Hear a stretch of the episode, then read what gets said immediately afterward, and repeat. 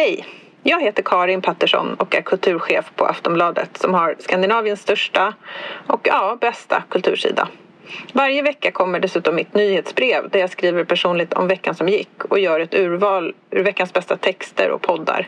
Både hos oss på Aftonbladet Kultur och på andra ställen.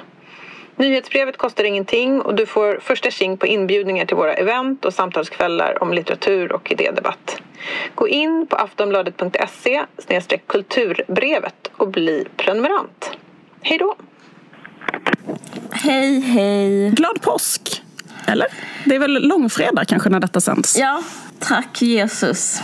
Just det. För lidande. Um, glad påsk.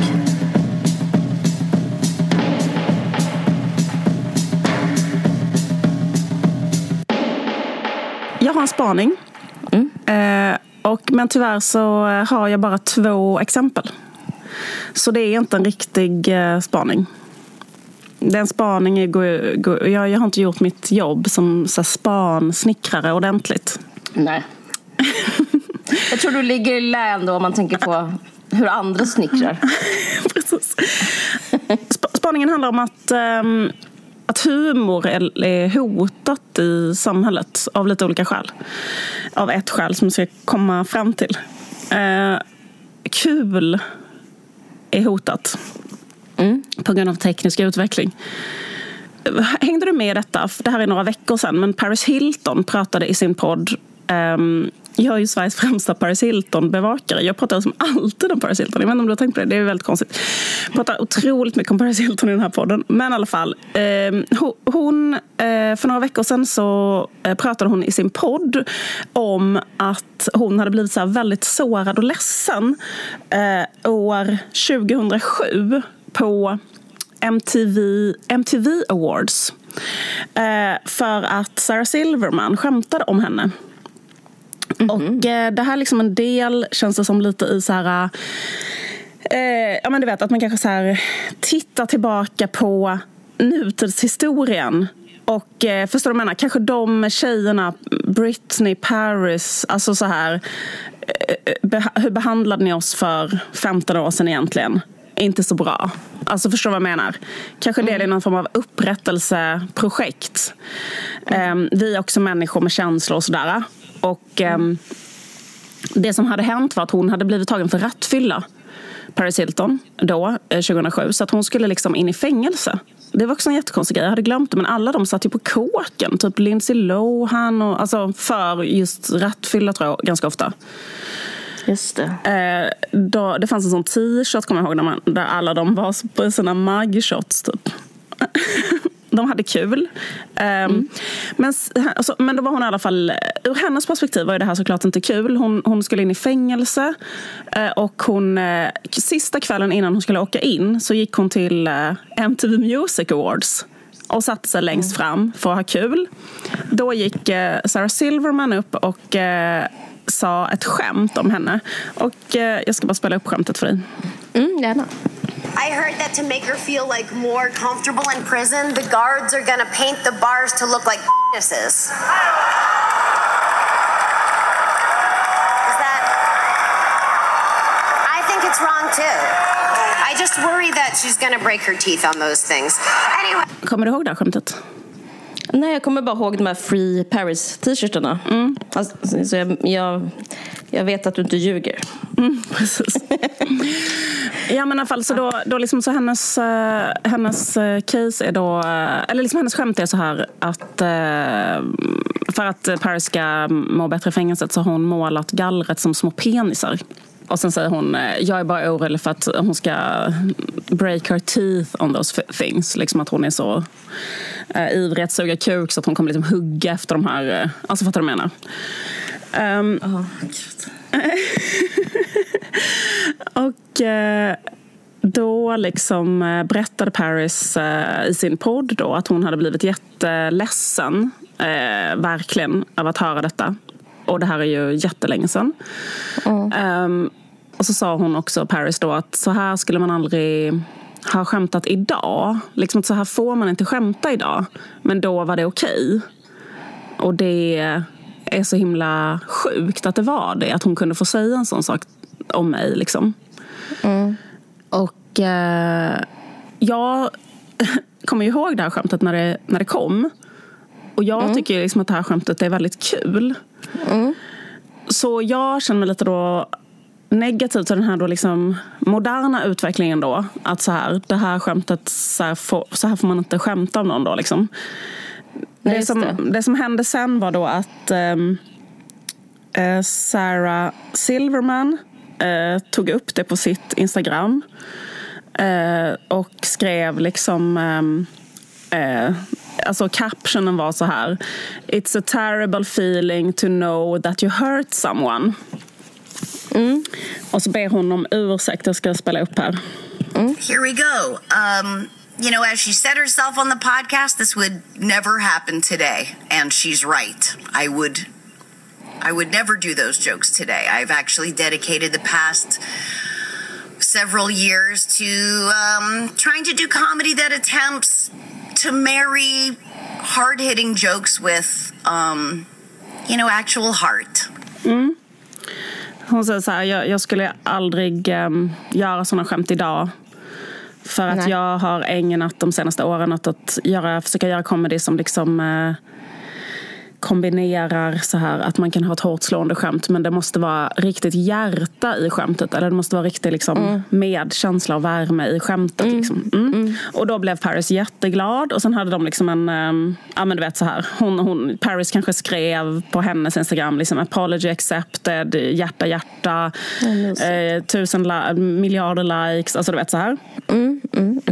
Så det var en, så liksom det som de på något sätt kom överens om där är någonting positivt som är att vi är vänner istället och vi ska inte såra varandra. Och, eller förstår du vad jag menar? Det är liksom en attempt att bli mer varm och god och så.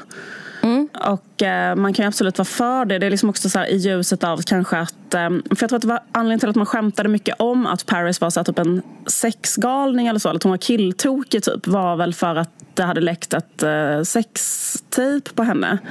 Och det eh, sextapet har ju hon också sagt. Eller jag menar, i, i, eh, liksom det var kanske så att en jätteäcklig pojkvän som typ tvingade henne att göra det. Och sen kanske han läckte det utan att hon visste det. Hon kanske var 18 och eh, det var typ hennes första pojkvän. Alltså, så det är liksom väldigt sexistisk eh, eh, vad heter det, konstruktion kring henne då. Att hon skulle vara en eh, killtokig eh, Bimbo liksom. Exakt, precis.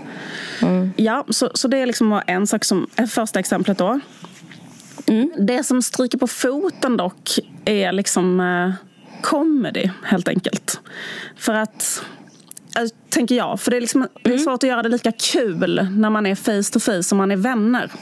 Jag ska återkomma till det. Sen tittade jag på en annan en liten, en liten dokumentär som var på em, SVT Edit som hette ehm, Jag... Den hette Du gjorde mig till ett meme, heter dokumentären. Okej. Eh, och den handlar om en eh, livscoach typ som heter John Andreas. Han är liksom en eh, jättekonstig göteborgsk livscoach som coachar i positivt tänkande. Och han är liksom en eh, väldigt, väldigt eh, udda person. Han har liksom en, eh, ett, ett konto då som heter Gentlemen's coach. Där han gör så här inspirerande filmer.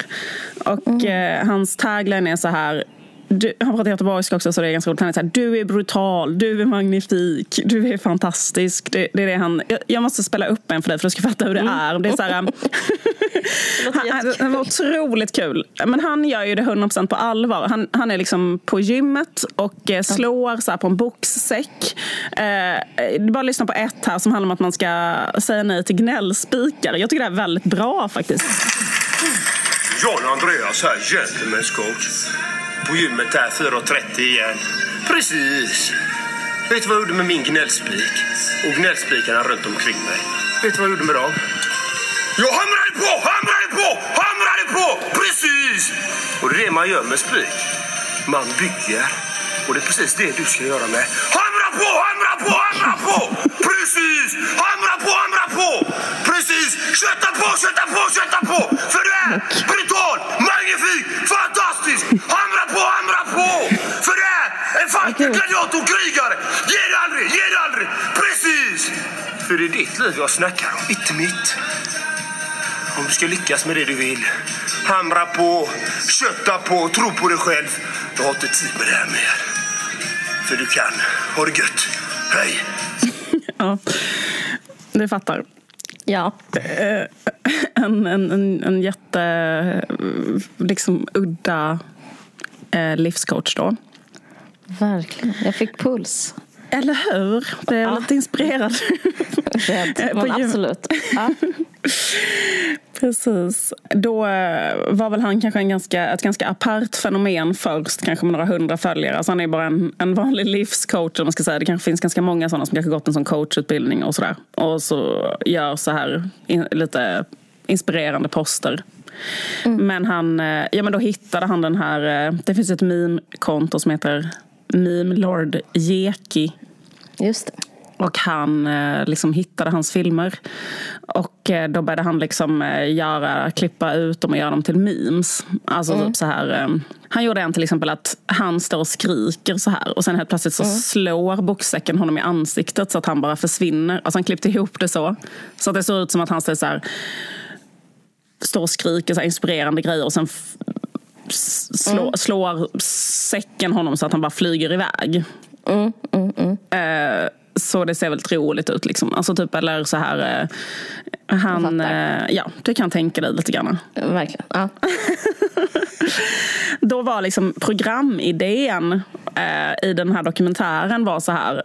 Vi ska låta de två träffas. Hjälp.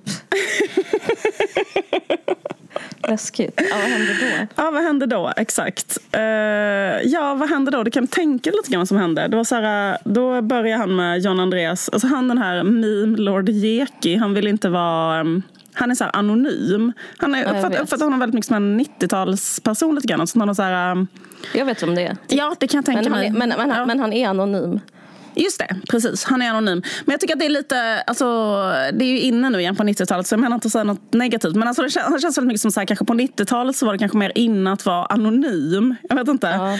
Alltså typ att han har också page, det såg man. Alltså, associera honom Ja. med 90-talet. Liksom, att han hade så här, Ja, kanske jag med reklam, hade page och sen att han har liksom en gummimask över huvudet. Eh, och han pratar med sån här, eh, vad heter det, voice... Eh, Alltså, Ja, precis. Förvrängare. förvrängare. Ja, det. Ja. Eh, Så att han, han är så här, jag vill inte vara en influencer. Och så, och så kanske hans hållning är mer att han är så här Fast han är ju ironisk. ändå liksom samarbete med McDonalds så att lite vill han vara det tror jag. Ja, men det tycker jag också känns som 90-tal. Ja, men Alltså så lite 90-tal, alltså typ en, den ironiska generationen kanske, förlåt uttrycket. Men alltså fattar du vad jag menar? Typ så att man är, Ja. ingenting är på allvar, man jobbar med reklam.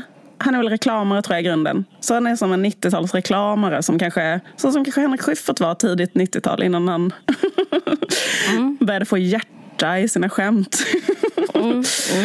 Eh, Pre-hjärta i skämten. Typ allting är så här lite cyniskt, lite distanserat och sådär. Och det är jättestor skillnad mot hur den här personen är. Han den här um, livscoachen såklart. För han, det. han, det är liksom som att en människa som inte känner till ironi och aldrig varit i närheten av ironi träffar någon som lever i ironi liksom, på något sätt. Just det. Mm. Och sen så liksom ska de då fika typ. Ehm, Kul. Och ehm, då säger eh, han eh, då eh, inte så förvånande så kände ju han den här John Andreas, den här livscoachen, när han såg att han blev jättedriven med att han eh, tyckte inte det var så kul. Så det berättar han ju då för den här eh, Lord Jeki då. Ja, och jag fick ju först en olustig känsla liksom. Och bara bam. Okej, här har någon använt mitt content till att göra någonting annat utan att fråga mig om lov. Eh, Så han eh, upplever liksom att han är bara, försöker bara göra inspirerande material och sen är det någon som ehm, liksom, eh, vad heter det, gör sig rolig, skrattar åt honom när han bara försöker bidra med något positivt i samhället och sådär. Just det. Och det vill komma till var lite grann att när man sitter eh, vad heter det, öga mot öga med någon Mm. så går det liksom inte att upprätthålla den här ironiska distansen.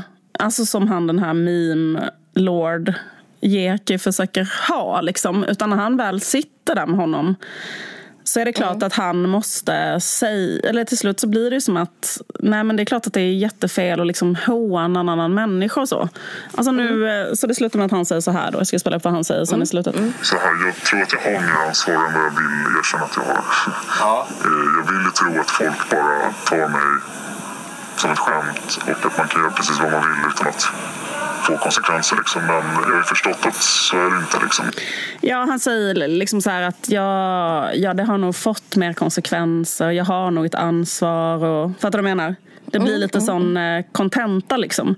Och sen har de kanske ett ganska fint möte där. Och liksom så I dokumentären så är det lite som att de eh, börjar förstå varandra. Eller på något sätt, de når någon slags vad ska man säga, någon slags litet konsensus där. Och sen har jag sett att eh, han, den här eh, livscoachen, har börjat posta på sitt eget Facebook, kanske de här memesen. Eh, och hashtaggar så här, humor, svensk humor, eh, hashtag bjud på dig själv, så här, blåa hjärtan. Åh, Han liksom inkorporerar det. Och sen, jag Duktigt av honom. Ja, han är ju så himla bra på att tänka positivt. Så han har eh, lyckats vända det här till en fördel i hans liv och sånt. Liksom. så duktig. Är väldigt, väldigt duktig. Eh, det går ju inte heller för honom att ha ett annan inställning med sin positiva tänkande och sånt. Alltså det skulle vara Nej. svårt för honom att ha något annat, någon annan inställning. Men problemet, alltså, och, sen, och, det som han, och sen tycker jag, för sen försökte jag leta efter han den här eh, meme, Lord Jekis, såna här eh, memes på honom nu innan vi skulle Innan jag skulle prata om detta för att jag skulle ge några exempel och så. Men då såg jag att jag hittade inga sådana nu på hans konto. Det kanske var för att jag läste lite slarvigt och så. Men det skulle också kunna vara för att han har slutat skämta om honom eller så. Att han har tagit bort Ja, kanske. säkert. Ja. Han skulle kunna ha fått ganska mycket så här, kanske kritik. Det kanske är fans till den här livscoachen kanske har börjat mejla honom och säger så här, varför driver med honom? Han är faktiskt jätteschysst och Ja, just det. inspirerar jättemånga människor. Och han, är bara han är bara positiv och han är bara en, en glädjespridare. Varför ska du pissa på honom och sådär? Och det jag menar är att det finns inga motargument mot det. Alltså varför ska du vara elak mot någon? Varför, varför, ska du inte, varför är man inte snäll? Varför är man inte bara vänner? Liksom? Och när man sitter öga mot öga med någon så blir det så självklart att man måste nå ett common ground och vara vänner och sådär. Just det. Men min invändning mot detta är att det man, priset man betalar då är att det inte längre är kul. Och eh, det är liksom också tycker jag så här en, ett tecken på liksom just den här tekniska utvecklingen med sociala medier och så. Att man liksom hela tiden är i kontakt med alla. Och på ett sätt så är det så här, alltså just att så här, Paris kan ha en podcast där hon kan berätta helt och hållet hur hon känner sig och sen kan eh, Sarah Silverman ha ett eller så här, och, de, och de har jättelätt för att komma i kontakt med, med varandra för de kan bara skriva på varandras ehm, eh, Alltså i varandras kommentarfält Ja, eller någon kan liksom så här, och det är någonting med sociala medier som jag tycker är liksom lite jobbigt att det är så en arena där alla möts hela tiden. Alltså det, det är liksom, jag, jag kan tycka att det är lite begränsande så här, till exempel själv. Om man skriver något kul så ska det komma så här massa kommentarer. Då ska så här, någon kanske bli kränkt, någon annan kanske inte förstår skämtet, någon annan kanske förstör skämtet. Någon annan, förstår du vad jag menar? Kanske den som är nämnd, om man nämner en människa så kanske den riktiga personen som blev nämnd går in och kommenterar också. Alltså förstår du vad jag menar?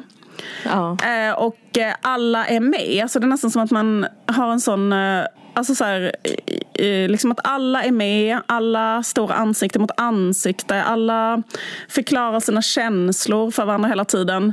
Alla, eller liksom så här, och i det, Mm, absolut. eh, i den liksom distanslösa situationen Mm. eh, är det lite svårt eh, med comedy. För att det på något sätt kräver lite iskyla och distans Just det. för att det ska bli kul. Eh, och ehm, då bara liksom... ehm, jag, kan, jag tänker också hela den här diskussionen om man pratar om näthat. I alla fall den typ av humor. Alltså, Ja. Den typ av humor funkar ju inte i alla fall. Nej, precis. Det finns en annan typ av humor som är ordvitsar. uh, Vaudeville-teater. Clown. Clowneri. um, Uh, slapstick. ja. Eh, Slapstick, exakt. Varm, varm, varm optimistisk humor. Men där man liksom respekterar alla människor. Det är en otrolig humanism. Man liksom ser... Jag menar att så här, det, det, det, det jag funderar på liksom just den här grejen. Också som jag tycker är i när man diskuterar så här näthat och så, så är det ofta så här Mm, om du ska skriva någonting på nätet så är det någonting du skulle kunna säga. Du måste, det måste vara någonting som du skulle kunna IRL säga till den människan, till dens ansikte. och det tycker jag är en ganska rolig... Eller liksom, jag tycker det är en felaktig sak att säga till någon. Därför att varför skulle det vara ett kriterium? Alltså det är ju nästan ingenting som man kan säga till någon till dens ansikte. Alltså, det är som att... det blir lite kvar. Det blir väldigt lite kvar. Det är så här, en bokrecension. Alltså en bokrecensent skulle inte kunna stå framför en författare och läsa upp recensionen. Eller en, ehm, men betyder det att uh, form en bokrecension? Alltså, eller typ så här, att skämta om någon kan man göra. Eller kanske kritisera någon recensera någon. Och det skulle man inte kunna göra om man satt framför den och sa det. För det är för ehm, eh, brutalt. Så fungerar inte vi människor. Att man kan säga. Utan där, eh, där liksom arbetar man för att nå ett common ground. Ja. Eh, och eh, min enda känsla, min enda rädsla lite var att eh, i den här liksom överconnectade verkligheten så kan man komma till, ett, till ett forum där det inte heller där det liksom inte längre går ut på att vara roligt utan det går bara ut på att vara snäll. Och det, det. det. är inte lika kul. Det var bara det. Det finns ju en filosof vi har, som, min, som har varit sån hushållsfilosof eh, i min, hos min mamma. Som är em, Emanuel Levinas. Tror jag han heter. Heter han Emanuel? Ja. Och han sa att moral uppstår i mötet med den andra människan. Att liksom, och det är som att så här, hela den, det, det som internet nästan tvingar en till, eller godhet uppstår i mötet liksom, när man tittar, en person tittar i en annan människas öga. Alltså, det är ett väldigt idealistiskt sätt att se på mänskligheten. Men det kanske stämmer lite. Eller jag Det tror jag. det du säger så här, illustrerar det. Att så här, det går inte att eh, liksom, fortsätta med ondska i, när man får kontakt med någon. Nej. Och ondska är ju inte det du menar. Men liksom, det, det, det blir som en så här gestaltning av, av den teorin i alla fall. Det är rätt så intressant. Verkligen. Men, Men- också ja. att typ att eh, poängen, eller liksom med... eh, Liksom att, Men- så här, att, ja. jag, att jag menar liksom att allting, allting behöver inte vara... ehm, eller liksom alla så här kulturyttringar eller kulturformer eller så kan, eh, behöver inte ehm, överföras till den liksom muntliga formen där man står Nej. och tittar varandra djupt i ögonen. Alltså typ att, så här, att, det- att det blir någonting, eller typ som att så här, det skrivna ordet existerar i någon, på något ställe. Och det, men nu blir det som att eftersom allting är connectat så Ja, blir det som att precis. allting ska ske på det sättet. Som att så här, detta är vad jag skulle kunna säga till alla människor på hela jorden samtidigt. Det är inte så här, ja, men det här säger jag till er men jag säger det någonting annat till andra för att ni fattar nog detta men ni andra fattar nog inte det. Eller förstår du vad jag menar? Typ så här, Mm. jag, säger, jag är inte lik, använder inte samma ord när jag pratar med min mormor som när jag pratar med mina kompisar. Alltså, att man hela tiden alltså man, man eh, anpassar ju ofta innehåll Ja. och ton och ordval allting så här. Men nu kan man inte det utan nu lyssnar mormor och nu lyssnar alltså du vad jag menar? Alltså alla, så att det, alla kan. Och då, liksom det, det som skulle kunna bli tråkigt då med internet eller sociala medier framförallt är väl liksom att allting måste smetas ut till, ja, liksom till det här samma då. Eh, där alla kan vara med på båten för annars är man inte snäll. Liksom. och, och det stämmer ju den där känslan för de säger det som Sarah Silverman skriver så här, It's a terrible feeling that you hurt someone.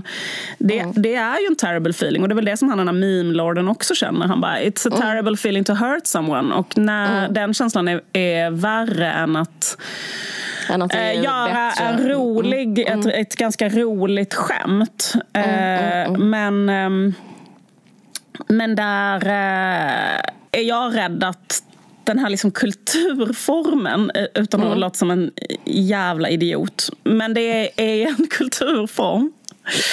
Att hitta på ett skämt, helt enkelt. Och den, Mm. det, det blir liksom Liksom i en värld där alla ska vara överens och sitta och titta på varandra i sån Ja, moraliskt du samtal så försvinner det. Mm.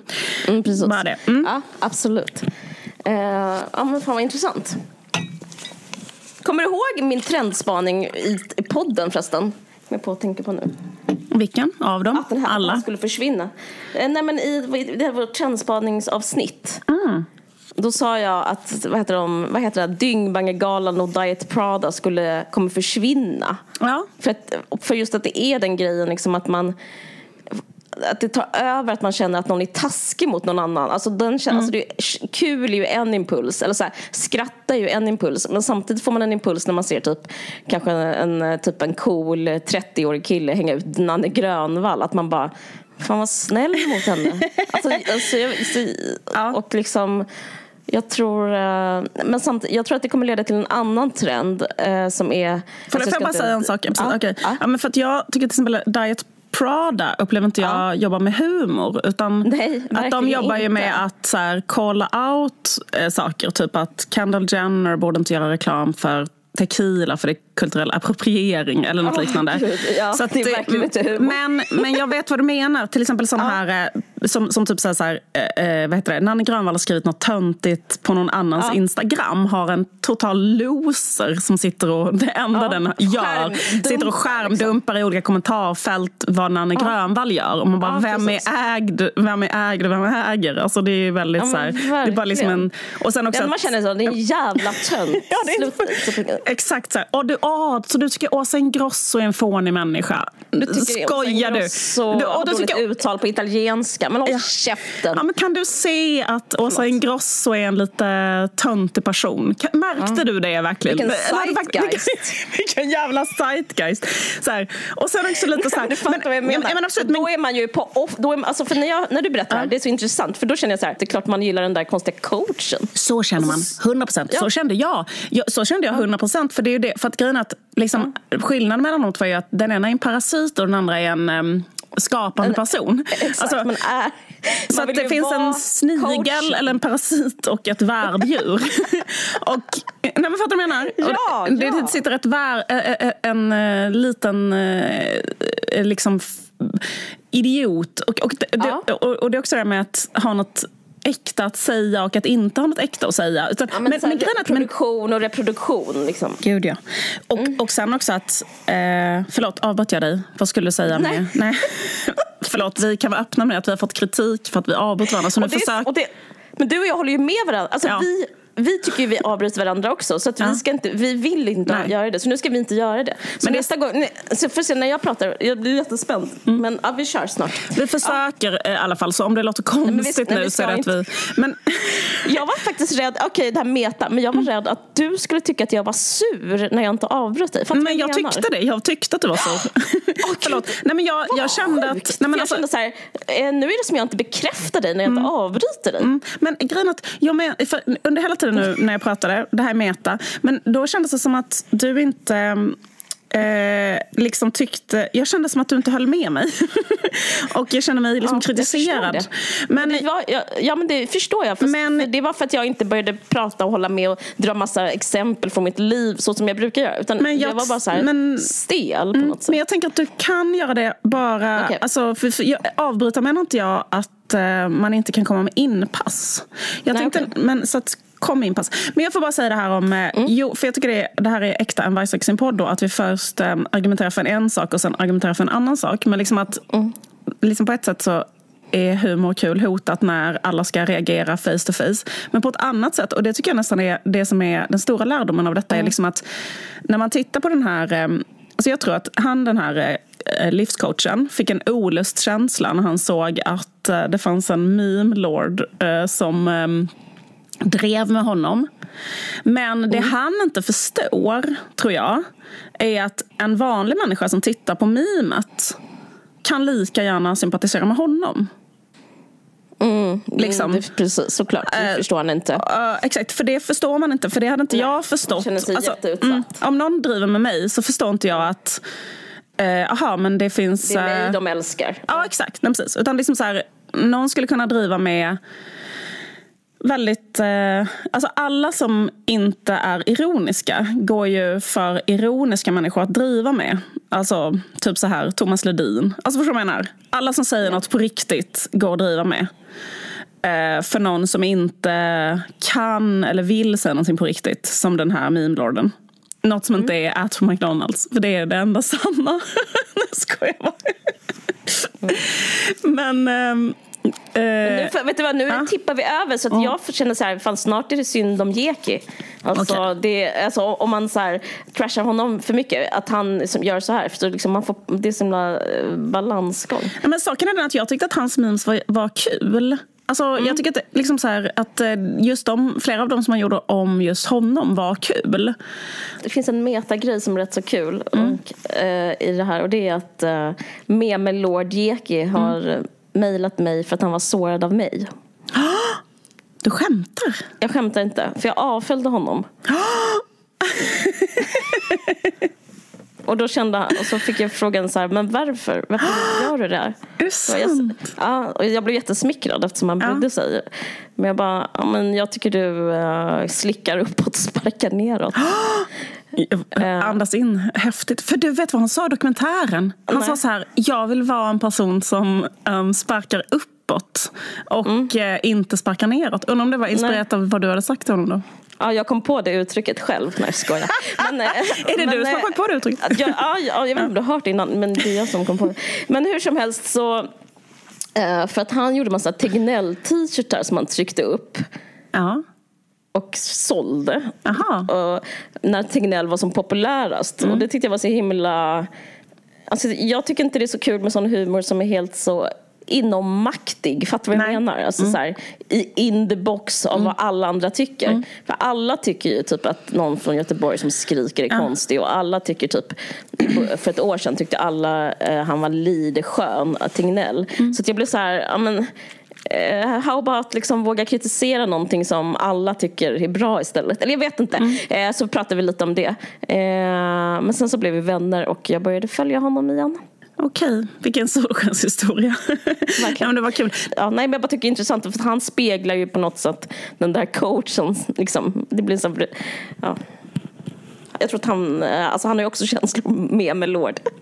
Så att därför är det svårt också att säga så att han är en jävla tönt också. Alltså jag tycker det, är liksom, det, det blir så många lager Men ja, precis. Men, men jag, jag, min spaning från början handlade om just att... Uh, du älskar honom. Nej, Jag nej, nej, jag älskar Ja. inte honom. Jag menar bara att hans... eh, De tyckte jag var ganska... Alltså, eller, jag, menar, eller jag, jag skulle Ja. vilja så att säga eh, värna rätten att göra ett, ett elakt skämt utan att behöva sitta och mm, försvara det och Jag fattar. stirra någon in Jag i ögonen därför att. Mm. då blir inte samhället lika kul. Jag bara värnar lite det där att Mm. ha lite kul. Men... ehm, eh, och eh, och då, och då tycker jag liksom snarare, och det här har jag faktiskt tänkt på innan redan, så här med, just det där med liksom hur man lär barn om internet och internethat och sånt där. Så är det jätteofta så att man säger så till dem. Nej, men att det finns en, här, Ja. en slags så här, du, du, ska, du får bara skriva sånt som du skulle kunna säga till någon face to face. Brukar man säga. Och, sen, och sen säger man så här, du ska aldrig skriva någonting elakt. Så här, har du något, inget snällt att säga så är det bättre att vara tyst och hela det där. Liksom. Och då har jag faktiskt funderat på, det här är någonting som jag har tänkt på första gången för typ tio år sedan. Men alltså att det, alltså en approach, alltså man kan säga det om man vill, men man kan också säga så här Mm, ta inte åt dig så mycket när någon skriver något taskigt om dig på internet. Alltså, typ att man skulle kunna lära, lära dem att så här...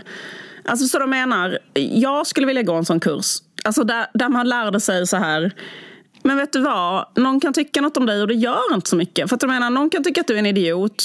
Men det betyder inte att eh, du inte har rätt att vara liksom en livscoach. Eller, för att du menar? Alltså, eh, liksom den typen av intressant. kunskap är lite eftersatt. Och det tror jag är det Verkligen. som man egentligen behöver liksom öva på att lära folk. För att alla, vissa hatar en, för att de menar, och de kommer alltid att göra det.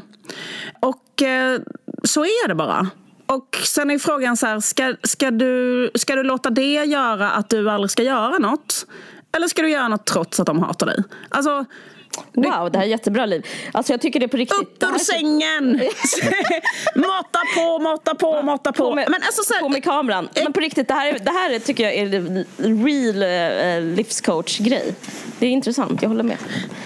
Och jag tror att det sämsta man kan göra är nästan så här också bara fortsätta då följa dem. För det är ett jättestort misstag. När någon hatar en så vill man liksom att den människan ska gilla en. Så man söker upp den, vill vän med den, eh, vill ha dens bekräftelse. Och då har ju den en jävla maktposition. Den kan fortsätta hata en, den kommer ju alltid hata en och fortsätta hata en och sådär. Och sen så bara istället för att så här, liksom isolera blicken lite mer mot sina egna mål och vad man själv faktiskt tycker. Liksom, ja. Men Fan, det är jättesvårt. Ja. Nej, men det var skönt. Jag tror många behövde höra det. Ja, Jag, jag behöver höra det.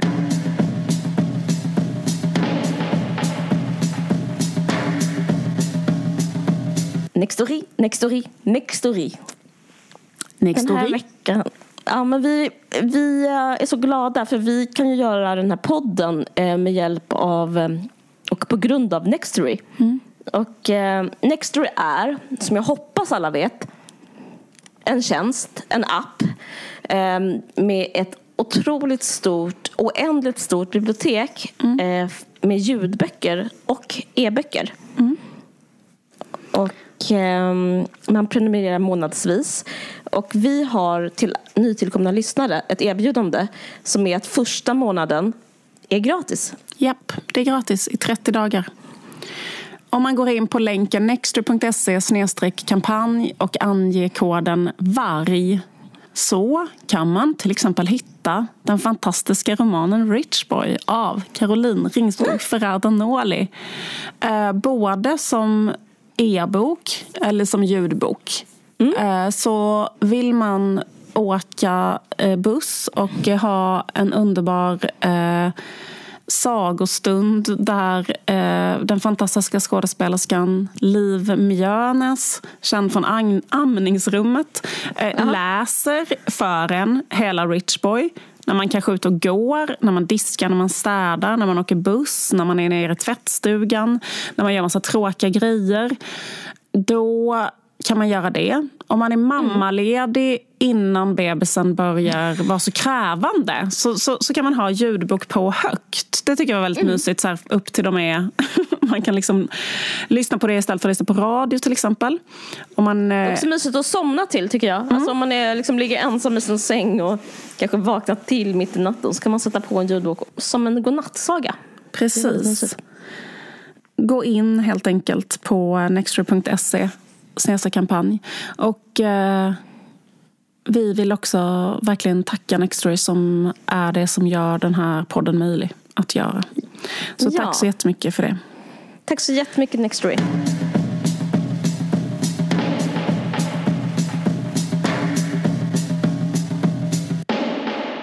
Det är ute med cancelkulturen. Alltså, alltså jag tycker typ snacket om cancelkultur har varit så här. Vi måste, det, är så, det är så farligt med cancelkultur. Det är så farligt för ingen får cancella någon. Absolut inte cancella någon. Det värsta som finns just nu är att cancella någon. Typ så. Typ även kanske jag har sagt de orden i den här podden. Jag vet inte. Men liksom att så här, man måste kunna få jobba, man måste skilja på verk och person. Hej och hå. Det är någonting med metoo och något med cancelkulturen som jag inte... Jag tror att jag, jag måste ta upp det här för att jag inte riktigt förstår själv. Alltså om man tänker på vad som hänt sen metoo, alltså jag försöker bara snabb genomgång. Att, eh, 2017 så var det alla för metoo och liksom då för ehm, eh, idén till exempel om att offret alltid har rätt. Det blev en, även om det inte blev så avspeglat i rättssystemet. Det så? Mm. Så blev det avspeglat, ja, eh, avspeglat i en attityd Ja. i Sverige. Liksom. Det. Och jag upplever att, den var, att det var konsensus, eh, idén om att offret alltid har rätt. Mm. Och sen så hände det massa saker i media. Att man eh, Eh, hängde ut olika personer med namn. Det blev liksom en jävla fart. Alltså, den här, vi har pratat om det innan, den här grejen med att Sveriges självbild är alltid att eh, Sveriges självbild att det är lagom. Att, men, om man tänker på metoo så stämmer verkligen inte den självbilden utan den var liksom att det tippade över åt, otroligt mycket åt ena hållet. Att man liksom eh, men typ så här, någon skrek ett namn på stan och någon annan publicerade liksom, i samma sekund live. Alltså det var liksom verkligen galet. Liksom. Och folk som inte Eh, var sexbrottslingar. Alltså som en bara Alltså, var lite... Har du ett namn så publicerar vi det Har namnet. någon varit Alltså, oskön mot dig? Ska vi skriva alla som berättar det, kan de berätta det i Aftonbladet? Alltså så Ja, var det ju. så blev- så var det Så folk bara. begick självmord och, ja. Nej, men, Så var det bara. Ja, precis, ja. Eller det sen- fanns delar som var så. Ja. Ja men precis. Ja. Men sen så blev det eh, olika grejer som hände. Bland annat att eh, Cissi Wallin blev stämd för förtal och att faktiskt Benny Fredriksson begick självmord. Och så fick liksom en, hela Sverige, samma hela Sverige som hade gjort så precis, fick liksom, blev väldigt emot det. Så liksom tippa över på det där olagom sättet åt andra sidan. Att det är det värsta som finns med eh, liksom, att försöka sätta dit någon och folkets makt. Och, eh, man skulle absolut inte göra det. Och alla klappar sig själv på ryggen och sa att de var emot eh, när man inte var pressetisk och sådär. Och det, var liksom samma, alltså det här behöver inte ha med metoo att göra. Det här handlar liksom om Sveriges självbild. Alltså jag tänker på även hur man var attityden gentemot flyktingar 2015 versus nu. Alltså jag behöver inte gå in på det men innan älskar man flyktingar men nu hatar man dem. Det har liksom blivit att en trend nu, alltså vad vi är i pendeln skulle jag beskriva det som att det är trendigt att förövarna börjar liksom med sin egen agenda och sin, att ta saken i sina egna händer och har stöd av media i det här. Så att, att förövarna har börjat liksom cancellera eh, Offret. offren som kanske inte är då offret. Det måste jag kanske, jag vet inte om jag orkar säga det varje gång. Men Och du menar att det är liksom för att eh, media har så dåligt samvete för hur de var innan så de har börjat ta motsatt hållning på något sätt? Ja, det finns, ja, jag, jag menar att det finns i alla fall ett, en tendens som är att i rädslan av att råka cancellera en förövare så blinkar man inte för ett offer. Eh, och jag pratar givetvis om det här på grund av den här Lamberts, Göran Lamberts historien. Han har fått mig att börja blogga igen. Men i alla fall. eh, Nej, är det sant? Ja, jag började blogga på grund av ja, sant? tips om min blogg. Nej men eh, jag blev liksom lite, det är verkligen en parentes, men det var så störigt att just han Alltså okej att han så här tar över den här cancelleringsgrejen men han ska också ta över en slags tjejmediumet blogg. Så blev jag så himla provocerad av det. Ja, för att han bloggar, precis. Ja, alltså han, han ska typ ha alla fördelar av att vara typ en av de mäktigaste männen och typ ha så här influencer eh, liksom cred. Jag vill inte det. Men hur som helst, nej, men jag tyckte det var intressant det som hände med hans, med hans presskonferens. För att då så var det som att det han gjorde där, det var liksom att medierna eh, citerar honom när han säger att kvinnan som anmälde honom, han kallar henne bedragerska och lögnerska och han eh, säger hennes namn. Alltså alla de här grejerna som eh, till exempel Cissi Wallin gjorde med, mot Fredrik Virtanen, gör nu han. Och eh, det som händer är att han får en, ett folkligt stöd. Det har bildats massa Facebookgrupper av olika gubar som så här Leave Lamberts alone. Samtidigt som den här kvinnan nu lever eh, eh, på skyddat boende. Så att liksom, hon har liksom blivit cancellad. Hon har liksom varit tvungen att liksom avgå på något sätt. Och eh, ja, jag vet inte. Men jag tycker liksom... Alltså hon bara- blir blir be- behandlad nu så som liksom en, en outscorer. eh, Också att, hennes, out- liksom, ja. att det spridits väldigt mycket uppgifter om henne om hennes tidigare liv, hennes tidigare pojkvänner och lite så som det var att många träder fram och berättar liksom vad som helst ungefär om henne. Ja, verkligen. Och, eh, Hon är ett, liksom en, ett, ett, ett, öppet, ett allmänt villebråd. Alltså, och eh, läste en intervju med hennes advokat där advokaten säger, nu citerar jag, att hon ska gruppvåldtas, mördas och plågas. Hon får liksom den, alltså det, det finns liksom ett stöd på samma sätt som, nu tar jag Weinstein-exemplet bara för det är så tydligt, men liksom där fanns ju också så här, en stöd från mobben att så här, vi ska fan döda honom liksom. Men har det inte Ja, också funnits en rätt så mycket stöd till henne mot honom? Alltså, le, liksom fick inte han jo. ändå uppleva en ganska stark backlash där många har eh, för jag tänkte, även om han är frikänd Mm. så tror jag nog att många som tittar på honom dömer honom eh, Även om det inte går att döma honom juridiskt så tror jag att många tittar på Mm. honom och ser att varför eh, kallar du någon, din dotter som du sen ligger med som är 30 och det är på julafton och du kladdar. Alltså, allting det där känns ju som att en Mm. Absolut, gemene man tittar på det där och eh, tänker vet, att jag tror- jag tror jag eh, menar du mest- är ja. nog inte en... Ja, du- eh, du är skyldig, tänker Ja, du är liksom. skyldig att, till ett beteende som är sinnessjukt. Alltså, Absolut. Men jag pratar nog mest om Ja. hur media Ja, reagerar det är på sant. det här. Liksom att, att det finns en sån rädsla att eh, inte ge att inte, ge, att inte vara liksom, em, etisk mot liksom, presumtiv förövare så blir man för um, ger man dem för mycket liksom, plats att göra dem till offer och, liksom, ge- och ge dem då den här härskartekniken som är liksom det enda ett offer har, som är just med cancel. Det som eh, han då pratar om, för nu har han också börjat blogga, tar det liksom till orda där och kan, den här presskonferensen, att det viktiga för honom är hela, alltså för som du säger så har han erkänt att han betett sig som han är en helt sjuk människa som har kladdat, han har skickat sms som har sagt förlåt, han kallat henne do- sin dotter. Men han, likt den, här stämningen som finns nu också i samhället, som också medierna plockar upp och liksom också trollade av, är till exempel, som jag också pratat om det där innan, att det är värre att bli kallad rasist än att vara rasist. För, det, är han- för Lambert är helt besatt av att man inte får kalla honom våldtäktsman, att, använda ordet våldtäkt. Men alltså han erkänner allt sinnessjukt, alltså det som du tog upp och alla håller med om det. Men ingen får säga att det är våldtäkt eller att det är våld, och det är liksom inte juridisk våldtäkt.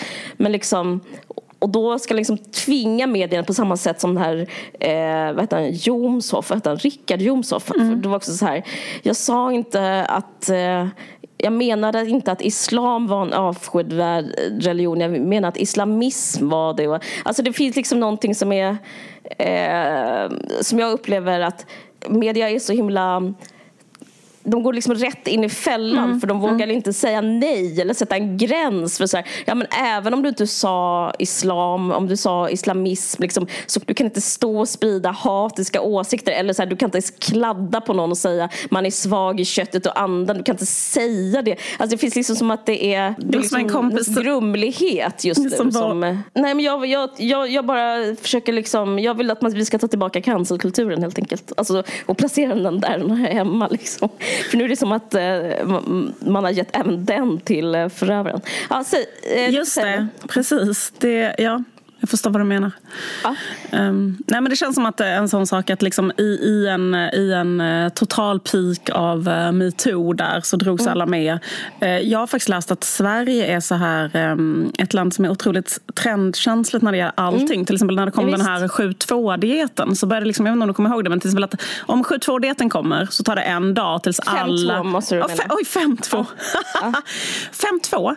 Då, då tar det en sekund tills allas föräldrar går på 5-2. Alltså jag känner inte någon som var 60 som inte gick på den dieten. Alltså, nej men att, men till exempel i Frankrike så skulle ingen människa få för sig att inte äta sin eh, löksoppa varje... Alltså folk är mycket mer... Alltså, de liksom hållit fast vid vad de De brukade göra. de sitter lugnt i båten. De sitter lite lugnt i båten medan alla här då börjar svälta två dagar i veckan. Alltså, och sen nästa vecka så är det keto. Alltså ketos. Och sen så är alla på det. Så att varje ny sak som kommer börjar alla i Sverige göra. Det är lite så speciellt med Sverige.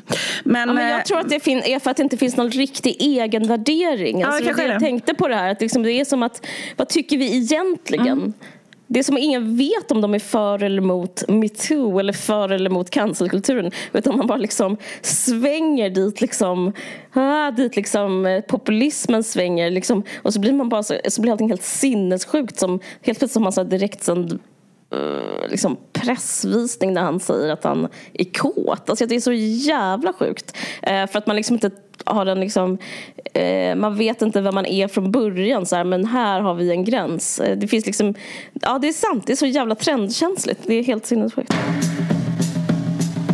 Jo, nu kommer det efterlängtande serien som du har längtat efter. Som handlar om Kim Kardashians röv. Okej.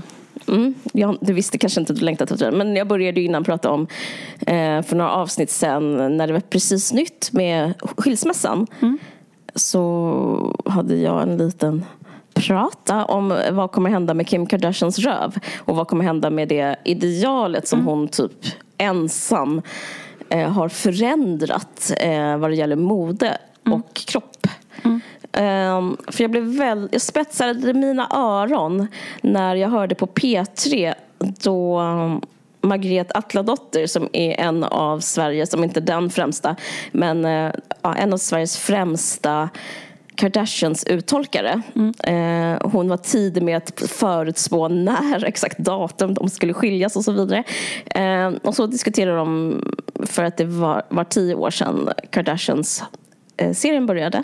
Och så frågade de Margret massa frågor. Så pratade de bland annat om skönhetsidealet eh, som gick från, eh, vad kan man, alltså från ett maskulint, eh, ja, precis, heroin chic, maskulint ideal till ett kvinnligt ideal. Eh, och då sa Margret att hon är övertygad om att Kim kommer eh, operera bort sin röv. Uh, och, uh, du, vad jag tror verkligen att du har rätt. Visst är det sant? Ja. ja visst är det sant. Uh, och jag ska inte ta åt mig äran, men jag, för Margrethe sa det först och jag tänkte, men jag håller verkligen med. hon kommer operera sin, bort sin röv. Om hon inte gör det alltså i detta nu mm. så har de bokat tiden, som Margrethe sa. Alltså hon, för att hon kommer, nästa steg för henne, det är att eh, ta bort det femininiserade och gå mot eh, liksom andra sidan av eh, pendeln. Det är väldigt uh, intressant av de systrarna. För det är ju en uh. som är, alltså hon den äldsta har inte en sån uh, opererad Nej. röv. Men Chloe har ju det. Och det, den uh, ser man ju att hon har liksom tagit efter Kim. Ja. Eh, så att det är jättetydligt. Eh, alltså, alltså det är väldigt, väldigt tydligt att den är opererad. De här inläggen. Alltså, det är så här... Um, hon den äldsta är den enda som ser ut så som hon kanske skulle ha sett ut annars. Liksom. Ja men precis. Ja, men, det, men det intressanta med det här att efter jag hade hört det här eh, var, så började jag läsa en bok som är helt otrolig som heter The Transition Baby.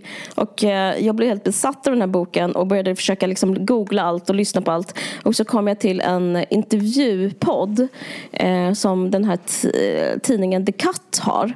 Där de intervjuade eh, författarinnan Tori Peters om den här boken.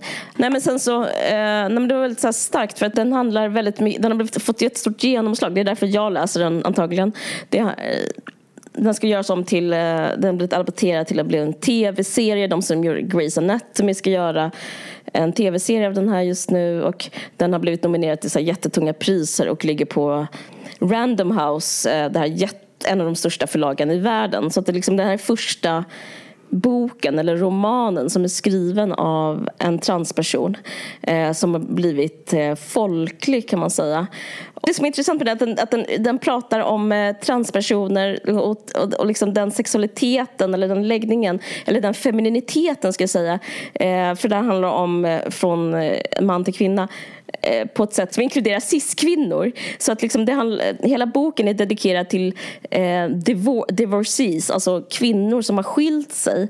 Eh, för hennes eh, case, den här Tori Peters, det är liksom att eh, transpersoner och eh, kvinnor som har skilt sig delar väldigt mycket liksom, eh, erfarenheter och liksom kamp i alla fall dagens USA. Att för det handlar liksom om att det är ett så nytt fenomen att, liksom att få skilja sig och att man ska eh, man ska liksom skapa en, en ny plats för sig själv som kvinna. Man ska liksom ha rätt till olika saker som liksom tillhör som de gifta kvinnorna. Och sen ska man liksom, hon pratar mycket om åldrande också, att det finns i stort sett som ingen inget åldrande för tran, kvinnliga transpersoner för att det finns liksom ovanför hennes generation så, så hade liksom transpersoner så lite rättigheter att de flesta har begått självmord, har gått, liksom tagit överdoser och liksom dött i förtid. Det finns liksom mm. ingen äldre generation mm. för att, och mördades. Alltså det är liksom, jag tror inte man kan liksom, eh, kanske tänka på hur utsatta transpersoner har varit. Så att liksom, de, de har i stort sett utrotats. Eh, hon pratar väldigt intressant om det här. Så, att, så hon är väldigt intresserad av att connecta med skilda kvinnor och hur de har åldrats och liksom vad det finns för typ av värdigt åldrande för en, eh, en transkvinna som inte är liksom, en person som går på klubb utan liksom en person som eh, bara ska få vara en kvinna i samhället. Alltså, ja, det är rätt fint. Men anledningen till att jag pratar om det här på grund av Kim det är att hon pratar och skriver om The Kardashians som eh, eh, och hon använder ordet transsexuell. Att, det, att, att hon har dem som förebild väldigt mycket för att de, det, det hon beskriver att de gör och det de har gjort med sina kroppar och sin rumpa och sådär liksom ingår i ett liksom transitioning narrativ kanske man kan kalla det. Att eh, de skapar sin kropp med nästan eh, extrema femininiteter. Mm. Och eh, det gör, och det bidrar eh, enligt eh, Tori Peters till liksom en frihet som är Alltså som, som till exempel för henne har varit alltså, gjort, gett henne, hennes liv berättigande. För liksom, det, det som liksom Kim har gjort är inte liksom alls stor skillnad från vad hon själv har gjort från, liksom, i hennes transition. Alltså, de har liksom liknande Alltså gör sina mm. bröst, mm. gör sina rumpor, minskar sin midja, håller på med sina kindben, håller på förlänger sitt hår. Mm. Alltså allting är liksom... Och håller på med, så här, mycket så här, med smink och contouring och allt det där också. Exakt! Hon pratar väldigt mycket om ja. contouring, om hur just contouring är som så här, det är liksom en drag-estetik egentligen. Liksom, att eh, hitta på kindben och sådana mm. saker. Så och, och som är en så kvinnlig grej. Part of the work that I wanted my book to do is to actually like create connections across difference through analogy. Tori Peters is a trans writer writing about trans characters, mostly white trans women, but Peters is also writing about cis characters. And in comparing and contrasting their experiences, she shows transgenderness as a lens to see the whole world. I always refer to the Kardashians as female to female transsexuals, that everything that they do in their sort of presentation actually seems to come from sort of drag and from sort of trans feminine culture. You know, a lot of the aesthetics, the, the like super cut cheekbones and things like that, because it was like you're trying to make your face look more feminine, so you contour really heavily. The Kardashians are an interesting example because, in some ways, you can trace the origin of everything that they've put on themselves. Okay, like here's like all this stuff from black culture, here's all this stuff from drag culture, here's all these things that they've taken. But I would kind of argue that like no one is more sort of like Kardashian than the Kardashians. Like they've created their own genre. They're not trying to be what they're referencing, they're trying to make something new and be authentically that new thing. Och jag tycker, för mig personligen som är en cis-kvinna, tycker att det är intressant att lyssna på för att nyanser i den här, vad ska man kalla debatten, det är så onödigt att det ska ens kallas debatt, men i, när man råkar prata om sådana här ämnen så är det som antingen eller väldigt mycket. Men den här boken beskriver liksom all kvinnlighet som en form av eh, trans. Alltså all femininitet är bara en skala på ett sätt var det väl det som Simone, Simone de Beauvoir pratade om när hon så här, man konstruerar ett kön, man föds inte kvinna, man blir en. Men liksom det har blivit en moderna version av den tanken. Och så där. Hon pratar väldigt mycket om den typ av grej. Att om man liksom använder det så här queera terminologin på den typ av känslor så kan det vara connectande och tröstande. Liksom. Um, vilket jag tyckte var väldigt fint. Om nu Kim till exempel förminskar sin röv så är det intressant så här, vad det skulle innebära för liksom, det performativa kvinnliga just. Alltså det kanske skulle innebära att pendeln svänger i trenden. Alltså, då kanske det... För nu är det rätt så inne skulle jag säga att vara så väldigt hårt femininiserad. Eller vad skulle du säga? Ja, det är liksom det där, det där utseendet eh, ja. känns ju som att det är eh, precis. Det, det, är väl också så här, det har varit trendigt. I, i, inte bara att det inkluderar, för det är också ganska så här oh. trans... Um, de, de eh, kritiseras också för att ha approprierat svarthet liksom, i den familjen. Alltså, de, de är också på något sätt trans etnisk...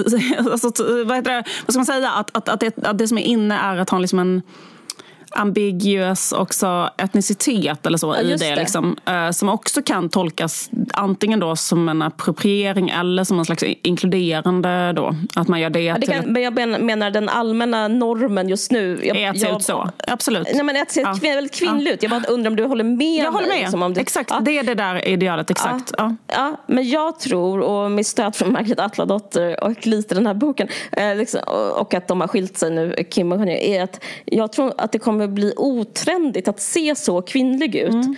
Eh, och jag tror att att idealet, och det här var vad jag skämtade, skämtsamt var rädd för i förra gången jag pratade om det, att röven kommer bli otrend igen, men vilket jag tror. Och därför liksom tror jag att um, idealet kommer gå mer åt liksom det queera, man, eller liksom mer maskulina mm. delen av det feminina. Mm. Men, det, men, det, men, men jag känner mig väldigt positiv. Det kan innebära väldigt... Det kan också liksom kännas det kan kanske kännas underbart att det blir, om det blir så. Om Kim minskar sin rumpa och typ taggar ner lite på det femininiserade. Alltså det kan ju bli...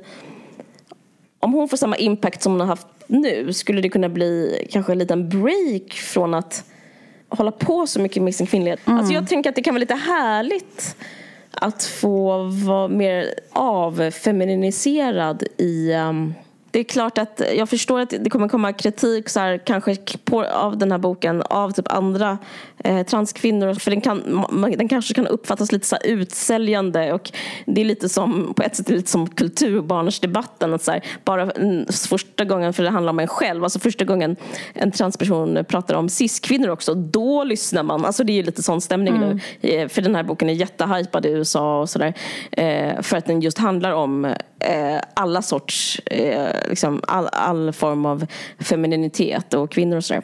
Alltså den är väldigt inkluderande. Så på ett sätt kanske den ses som en sellout. Men, men eh, jag tycker det är intressant i förhållande till eh, Kims röven då och att det som jag kände var en dålig nyhet kanske själva verket är en härlig nyhet och liksom en, att, att se henne mer queert kan vara något som hjälper oss alla. Typ. Jag vill bara, alltså det här är en mm. positiv grej. Mm. Liksom. Kul. Tack Caroline. Tack själv. Vi har ett eh, samarbete också med Kommunal som vi är väldigt stolta över. Eh, Kommunal är en fackförening som har en halv miljon medlemmar och de finns över, i över 200 olika yrken.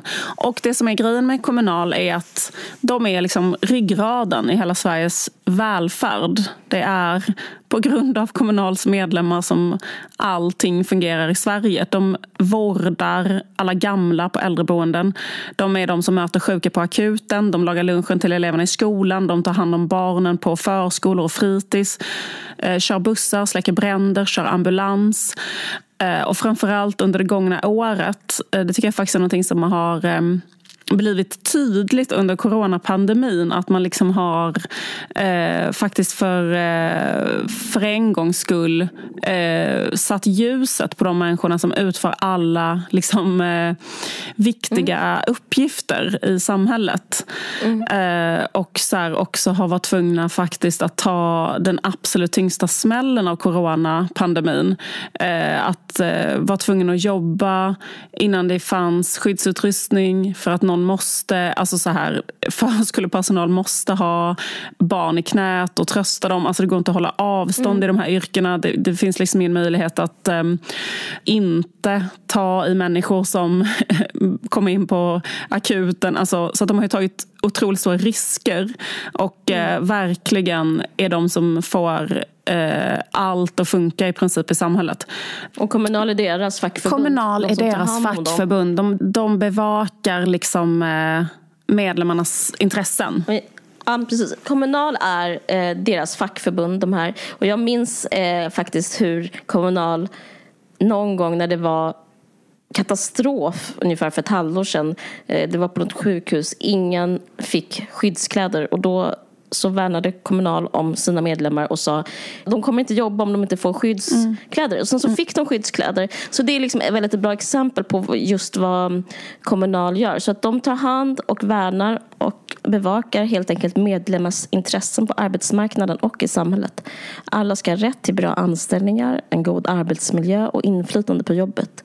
Kommunal arbetar också för att medlemmarna ska ha rätt att utbilda sig och utveckla sina yrken.